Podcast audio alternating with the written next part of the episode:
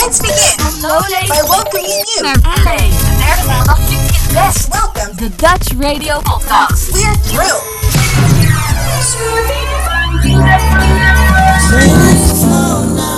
Start now. Some people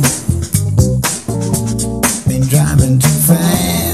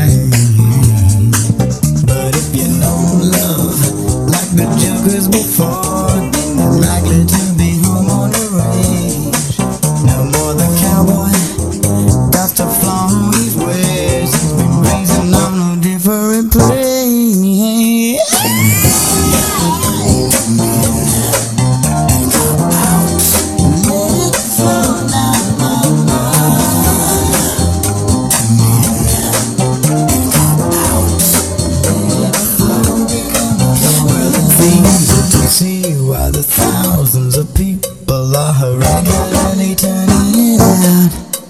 And it's easy to find when you mess with your mind that you've gone beyond a reasonable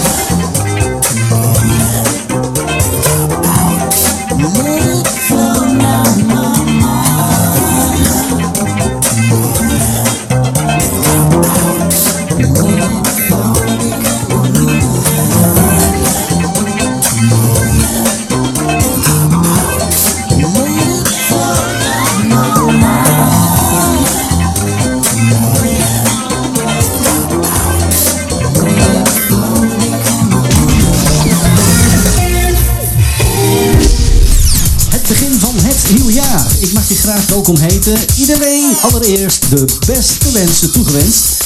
En met de nodige positiviteit en gezondheid blijven wij jullie ook dit jaar voorzien van het laatste nieuws in Almelo en omstreken, Nederland en Amerika. In dit uur onder andere het uitgelichte nieuws en het langzaam verdwijnen van de Amerikaanse grote winkelcentra. En de memorabele muziekklanken, de hits uit de jaren 80 en 90. Blijf dus afgestemd bij de steun en toeverlaat voor de lokale media AFM. Dit is de Dutch Radio Podcast.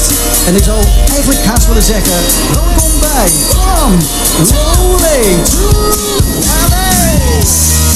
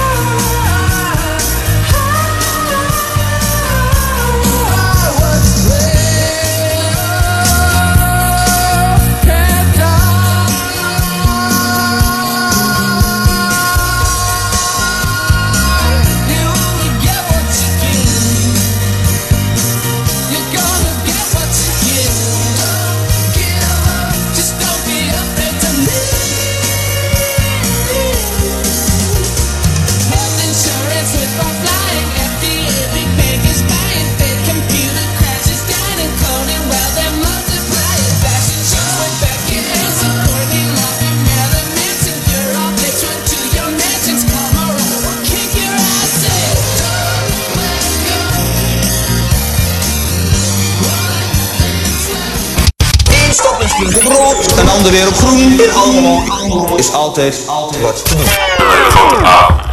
Een hele mooie kleine Stukjes Almelo, Ja, hoe moet je dat zeggen? Echt zo'n stad dat je denkt van... wat, wat Almelo is. Dit zijn de Lowlay headlines van deze week. Het binnenlands nieuws. De prijzen blijven in recordtempo stijgen. In december lagen de prijzen in Nederland 6,4% hoger dan in december 2020. En dat is de hoogste inflatie in 25 jaar.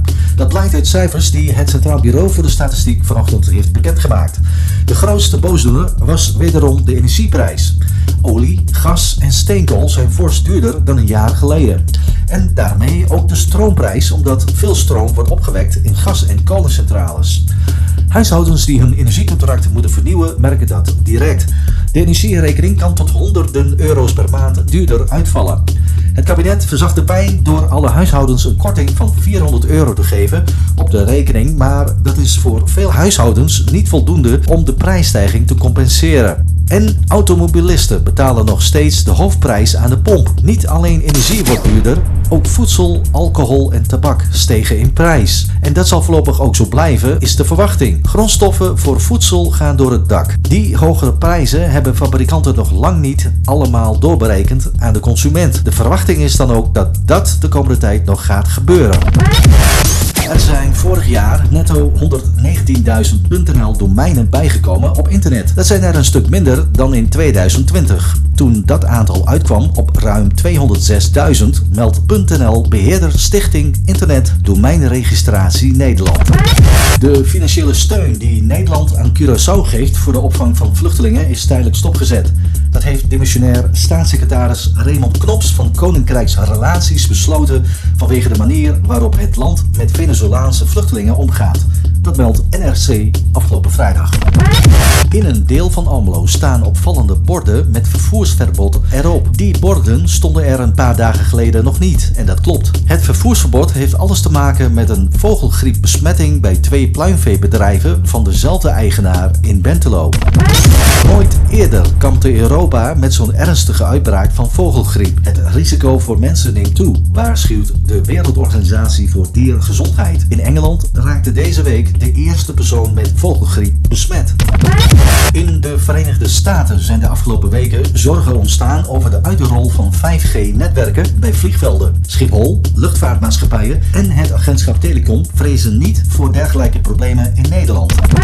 Winkels zijn bereid om extra maatregelen te nemen als ze maar open kunnen. Het steekt winkeliers nu dat we het enige land in Europa zijn waar niet geshopt kan worden. Dat stelt brancheorganisatie in retail. We kunnen gecontroleerd en veilig open, al dus in retaildirecteur Udo Delfgauw. De Belangenclub spreekt namens 13.000 winkels en stelt dat er geen draagvlak meer is voor deze harde lockdown. Vaccinatiebewijzen krijgen binnenkort een verloopdatum en verlopen dan 9 maanden na je volledige vaccinatie. Maar met een boosterprik is hij direct weer geldig. Hoewel het RIVM zegt dat de booster pas na 7 dagen voldoende bescherming biedt, is de registratie vrijwel meteen geldig in CoronaCheck app. Al dus het ministerie van Volksgezondheid. Tot aan het strand. Reisgezant en brengt van het binnen naar het buitenland. Het laatste nieuws TV overzicht. Van No Way to LA. Een Radio podcast. Tot 90.5.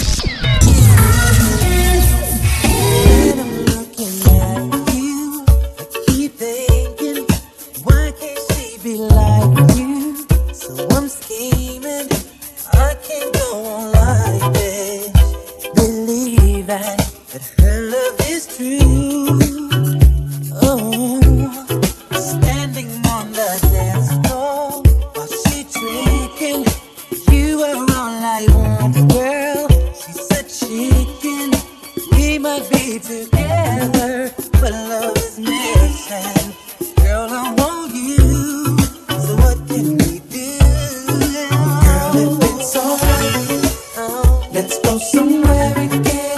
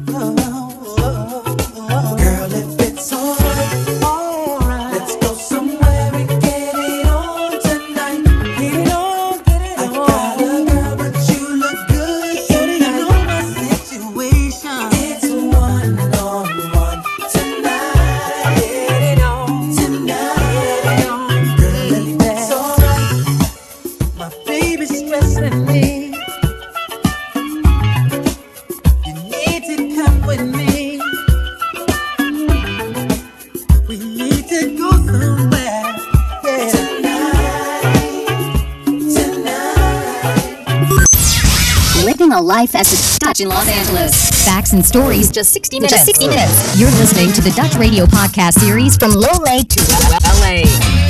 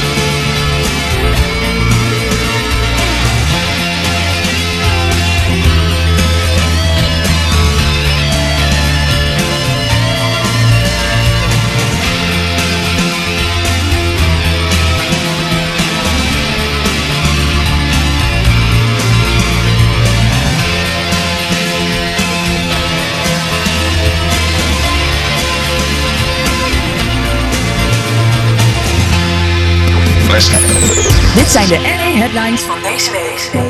Het buitenlands nieuws. But you think of yourself as a colored man. I think of myself as a man. Sidney Poitier is op 94-jarige leeftijd overleden. Dat meldt Eyewitness News van Bahama's afgelopen vrijdag. Hij is de eerste zwarte acteur die een Oscar won voor beste mannelijke rol. De minister van Buitenlandse Zaken van de Bahama's, Fred Mitchell, bevestigde het nieuws aan de diverse media. I came here at a time when this Hollywood that you know was not the Hollywood here when I arrived. And in 2009, the actor who helped bridge America's racial divide received the Medal of Freedom from America's first black president. Niet bekend waaraan de acteur is overleden. Poitier werd beschouwd als een van de eerste grote zwarte filmsterren die dramatische rollen speelden, die toen de tijd vooral door witte acteurs werden vertolkt. Hiermee doorbrak hij barrières van het Hollywood van de jaren 50 en 60. Walmart will soon start delivering groceries straight to your refrigerator. You don't even have to be at home. Over a million customers in Vero Beach, Florida, Pittsburgh, Pennsylvania, and Kansas City, Missouri will be able to use in home delivery. It's set to launch this fall. They've already tested this out in New Jersey for five months, according to CNN, and say they are ready to expand. Walmart does charge a fee for regular grocery delivery orders. Uh, so you can imagine there'd be one for this one as well, but they did not disclose any details on how much customers will have to pay for the in home delivery yet.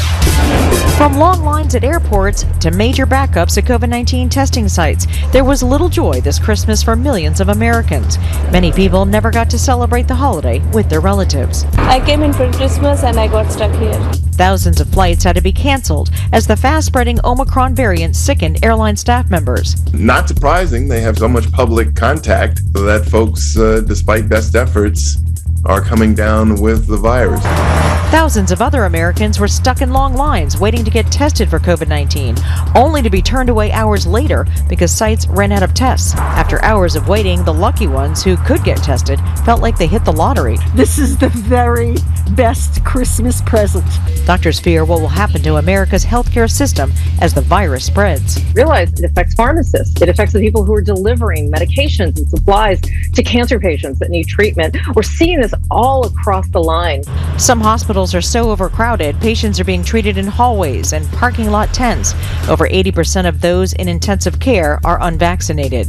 Regrets from at least one patient, as roughly 15% of eligible adult Americans still refuse to get vaccinated. In aanloop naar de 20e verjaardag van de omstreden gevangenis Guantanamo Bay op Cuba heeft mensenrechtenorganisatie Amnesty International de Amerikaanse president Joe Biden om sluiting gevraagd. Het kamp staat voor willekeur, onrechtvaardigheid en marteling, aldus Amnesty's Samit Bhattacharya in Washington tegen persbureau DPA. Het kamp telt nu nog 39 gedetineerden. Het werd opgericht tijdens het presidentschap van George W. Bush om verdachte islamitische terroristen zonder proces vast te houden na de aanslagen van 11 september 2001. Biden heeft eerder gezegd de omstreden gevangenis voor het einde van zijn presidentschap te sluiten. In enkele Duitse steden, zoals in Berlijn, Bremen, Leipzig en Dresden, is zaterdag gedemonstreerd tegen het openhouden van de gevangenis. Last minute rush for kids to get a COVID test before they return to school next week. Now, many LAUSD parents are trying to get their kids tested before their children head back into the classroom. So this is a test you can do at your home. Uh, they give you hand sanitizer, which is cool, uh, and masks. 10 year old Mia Lim picked up her free at home COVID test kit at Roy Romer Middle School in North Hollywood. The kits were handed out from 8 a.m. to noon on Friday at more than 60 grab and go sites across the LA School District, and students were able to get tested for COVID. The line is long, but it's, it's going pretty fast. Like it's about, honestly, 10 minutes, 10, 15 minutes top. Students and district employees need a negative test result before going back to school on Tuesday. But the interim superintendent says if families can't make it to a testing site before the restart of school, students can get tested on campus on Tuesday. And the free test kits will be available at all of the grab and go locations across the district from 8 in the morning until noon. Free testing is also being offered tomorrow as well. Those locations and the hours are available on LAUSD's website.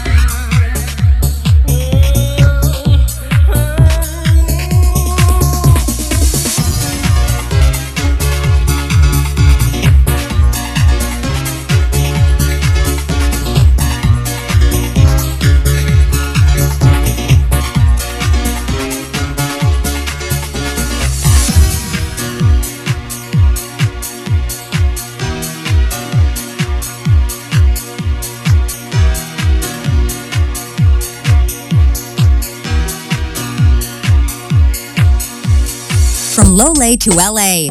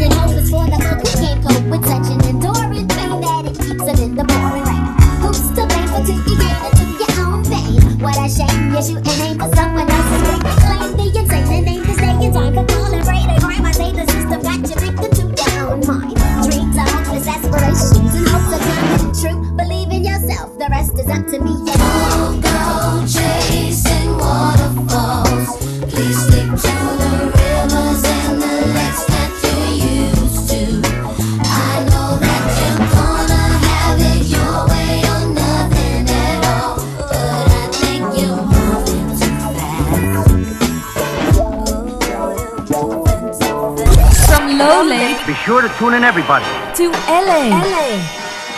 I got some big news. Bring it on. Here's some more exciting news. Het uitgelicht nieuws. Uit een onderzoek dat werd uitgevoerd door Coresight Research wordt ingeschat dat een vierde deel van de ruwweg 1000 winkelcentra hun deuren zullen sluiten over de komende periode van 3 tot 5 jaar.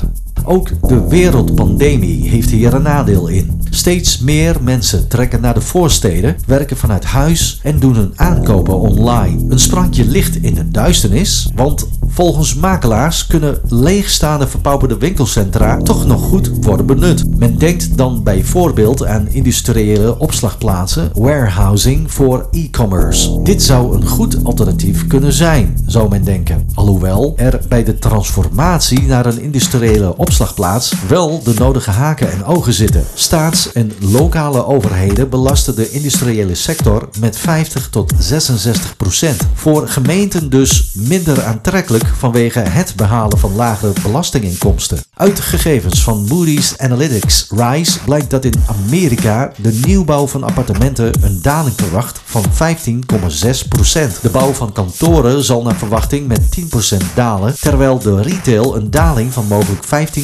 15,7 procent zal vertonen. Dit in tegenstelling tot de verwachte 3,6 procent toename in de industriële ontwikkeling. De winkel van de toekomst. Shopping malls in the US were once known for their massive department stores, endless fast food courts, and as a Friday night hangout for teens. But with the rise of online retailers and the demise of the department store, it is a challenging time to be a mall owner. In November 2020, two mall owners, CBL and Associates, and Pennsylvania Real Estate Investment Trust filed for Chapter 11 bankruptcy protection after facing increased pressure due to COVID 19. And according to a 2020 study, 25% of US malls are expected to close permanently within the next five years. I think COVID really accelerated trends that were already at play prior to the pandemic. It was retailers closing stores, retail bankruptcies. Retailers were looking for ways to renegotiate leases or, or pay less in rent. There are going to be malls that fail, and they're going to be vacant spaces. What happens to them into the future? I just know in the Syracuse area, we have one, and the county just purchased it. I don't know what the plans are, but it's a lot, a lot of empty space and a lot of parking spaces sitting there doing nothing. Prior to COVID 19, with consumers craving experiences over traditional brick and mortar retail shopping, malls were forced to pivot, offering everything from fine dining to indoor ski slopes. But the pandemic has exacerbated the challenges at malls as social distancing has placed restrictions on stores, movie theaters, and restaurants. You will see more malls closed, you'll see more shopping centers closed, but what you'll see is the winners continue to emerge.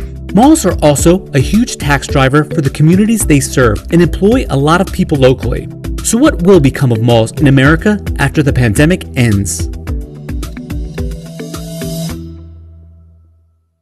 Malls in the US took root at the end of World War II alongside the growth of the suburbs. In the 1950s, a booming economy helped a large segment of the population increase their prosperity, allowing many Americans to purchase a new home and car.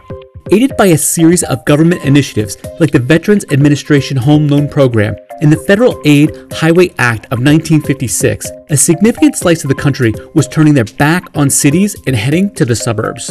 Austrian born architect Victor Gruen, the man who many credit with later helping to provide those newly minted suburbanites with a place to mingle and shop, saw an opportunity. Gruen emigrated to the US following Germany's 1938 annexation of Austria.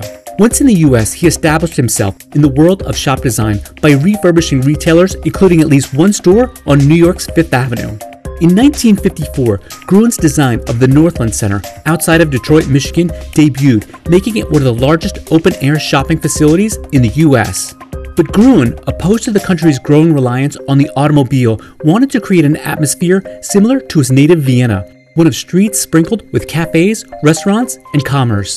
In 1956, his design of the Southdale Shopping Center opened in Edina, Minnesota. The fully enclosed mall had a two level design featuring 72 stores and anchored by two major department stores. The space also had 5,000 parking spaces and central air conditioning. The modern mall was born. You'd load up in a station wagon and, and you drive to the mall, and everybody in the family would get that one thing they needed while the family was there. More than 40,000 people attended Southdale's opening day. The venue was largely considered a success and was soon replicated across the country. By 1960, there were 4,500 large shopping centers in the US. By 1987, malls and shopping complexes accounted for over 50% of all US retail sales. And they were becoming part of pop culture too, used as a backdrop for movies like Back to the Future, Mallrats, and Terminator 2, and even as a springboard for musical acts. And malls were getting bigger. In 1992, the Mall of America, the largest mall in the US, opened, adding attractions like roller coasters and an aquarium. But the explosion of new construction was beginning to weigh on some locations. The rise of big box stores like Walmart, discount retailers like HomeGoods, and the transition to e commerce weighed on malls too. And this has been the narrative for years now that we really got to a point where we're overbuilt. We have too much retail space uh, in the country. Now that retailers are growing more of their business online, inevitably that means you know they don't need as many stores. So we, we've seen those store closures. By 2017, there were roughly 1,200 indoor shopping malls in the U.S. And yet, if you look at retail pre and post the credit crisis, before the credit crisis, people used to walk around in t shirts that say, I way overpaid for this t shirt. Suddenly, after the credit crisis, they were all going for these things, the phones, you know, spending thousands of dollars on a phone that they used to get for free. So the point is that people changed their shopping habits, and what needed to happen for the malls is that they needed to evolve as well. According to a 2020 IBISWorld Industry Report, the shopping mall management industry in the US is an $18.3 billion business and includes companies like Simon Property Group, Brookfield Property Partners, and Macerich. In general, landlords like Simon make their money from rental income and property management fees. Of the roughly 1,100 malls in the US, about 250 are considered Class A malls, the top performers that bring in the most sales per square foot. About 380 are considered B malls, a little more than 300 are categorized as C malls, and the remainder are D quality or lower that could be on their way out of existence. Like a number of their retail tenants, the coronavirus pandemic has had a devastating impact on US malls. CBL and Associates has a portfolio of about 100 properties across 26 states, including a number of B and C rated malls. The company said with tenants not paying rent and others delaying payment, it was forced to file for Chapter 11 bankruptcy protection in November 2020. Pennsylvania Real Estate Investment Trust, which owns and operates over 22 million square feet of retail space in the eastern half of the U.S., filed for bankruptcy protection that same day. Simon Property Group, the biggest mall owner in the country and the largest operator of A rated malls, including the King of Prussia in Pennsylvania and Roosevelt Field in New York, also saw a steep drop in revenue after some retailers skipped out on rent payments. In the fourth quarter of 2020, the company had total revenue of $1.1 billion, down 24% from the previous year. But a healthy balance sheet and a portfolio of desirable locations helped Simon fight back. Retailers deemed non essential, their stores were forced to shut. And a lot of retailers thought, okay, well, I can't pay rent or I'm not going to pay rent if I'm not operating this store. And so these mall owners like Simon, like Macerich, you know, they still have obligations on their end to meet. They have bills to pay. They have loans that you know are potentially maturing soon, debts to pay off, and it, it really became a problem as retailers like a Gap uh, said, you know, we're not going to pay rent or we can't pay rent right now. In June 2020, Simon Property Group sued one of its biggest tenants, apparel retailer Gap, for failing to pay more than $65 million in rent and other charges. The company also went on the offensive, buying distressed and struggling retailers. In February 2020, Simon, apparel licensing firm Authentic Brands, and fellow mall owner Brookfield acquired Forever 21 out of bankruptcy for about $81 million. In August 2020, Simon and Authentic Brands bought men's suit maker Brooks Brothers out of bankruptcy for $325 million.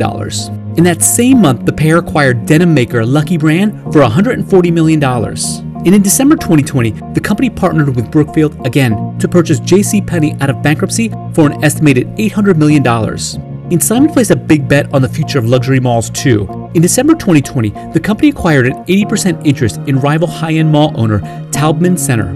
Taubman owns two dozen malls, including a handful in Asia, that have stores like Tiffany, Gucci, and Prada. But unfortunately, there are a lot of centers that don't fit that high profile and that have lost their competitive edge. The thing about Simon is they've been really focused on maintaining it, and that's both been through a combination of uh, culling the lower productive centers as well as making sure that they keep investing in their top centers to ensure that those centers remain dominant in their respective trade areas. While malls in the US were struggling and shutting down prior to COVID 19, according to an August 2020 report by Coresight Research, the pandemic has accelerated that trend. The research group said that an estimated 25% of US malls could close over the next three to five years. Some experts think that number could go even higher. I think everyone agrees that we will get to a point where there are fewer malls in America. You know, some experts have pegged that we have roughly 1,100 malls today. Maybe we only need 25% of those. We're already seeing it's fascinating the you know the stronger getting stronger, and their vacancy rate is you know in is very low, right? It's single digit, and the reason for that is because the tenants are realizing where the traffic is and they are leaving their traditional let's just say mall locations and moving into you know stronger malls whether it be a a plus And according to analysts, the locations likely to survive are those well capitalized, A rated malls that offer more than your traditional shopping experience. It's not just, hey, we're a mall and that and all we do is offer mall product, right? It's no, we're a retail center, we're a dominant part of the community. How can we make sure we get more than our fair share of the commerce that's in that market? And that's why you see them branching into restaurants, uh, adding things like hotels, self storage, apartments, uh, office, other uses to the mall. A lot of these malls as they're finding new uses and, and a way to repurpose them it's going to be case by case. I think you have to go into the town and, and that's what a lot of these mall owners are doing right now and seeing what the town needs. You know is it uh, a medical office building or a school potentially or a church uh, more yeah more office space or maybe a new residential community According to analysts, other ways malls could remain relevant is by transitioning to essential services that provide steady cash flow and stable occupancy in areas like healthcare and grocery stores. Last mile fulfillment centers could be an option for some too. According to an August 2020 news report, mall owner Simon Property Group was in talks with Amazon about potentially turning some of its former Sears and JC Penney locations into warehouses. A potential obstacle is the locations may need to be rezoned by local governments for industrial use. In top performing malls have seen a glimmer of good news too. According to Placer.ai, while mall visits in the best performing malls plummeted in the spring of 2020, they climbed over the summer and into the early fall. A December rebound to the mall was led by holiday shoppers. The issues facing the malls and retail really are not tenant driven, they're capital driven. Malls, like fashion, are very expensive. It, you know, you got to spend a lot to look good.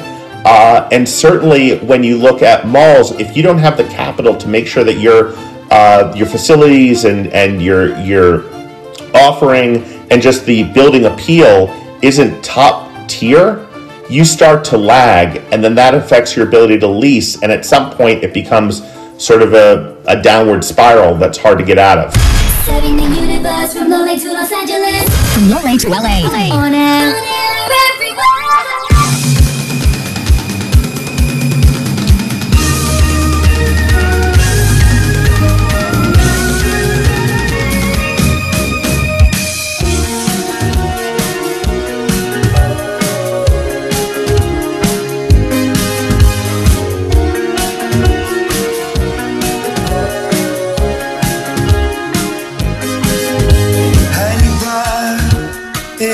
In de stad, s'avonds laat,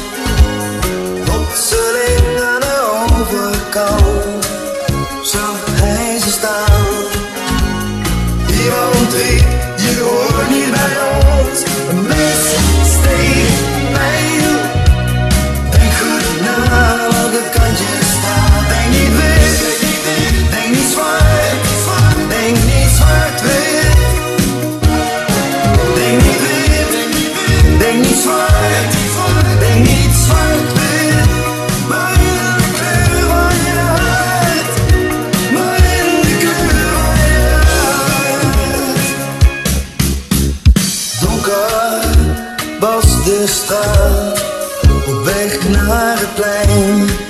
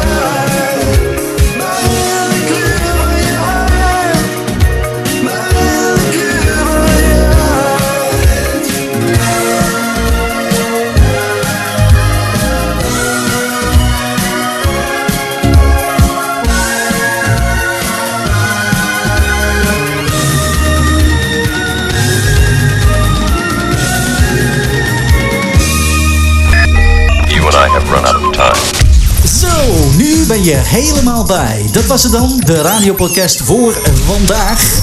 We zijn er weer op de derde maandag van de volgende maand tussen 8 en 9 in de avond. Stem dus weer af voor nieuwe perikelen en nieuwsfeiten hier op AFM. Of neem eens een kijkje op de afm.nl site voor meer informatie. Hoop je dan weer te spreken. Dit was Henry voor AFM vanuit LA. From Lowlay to LA. 8 p.m. till 9 p.m. CET on AFM. De Dutch Radio Podcast. Get on it. From Loolee to LA. Oost naar west. De derde maandag klinkt je. I can't even believe this is real. West. Goodbye.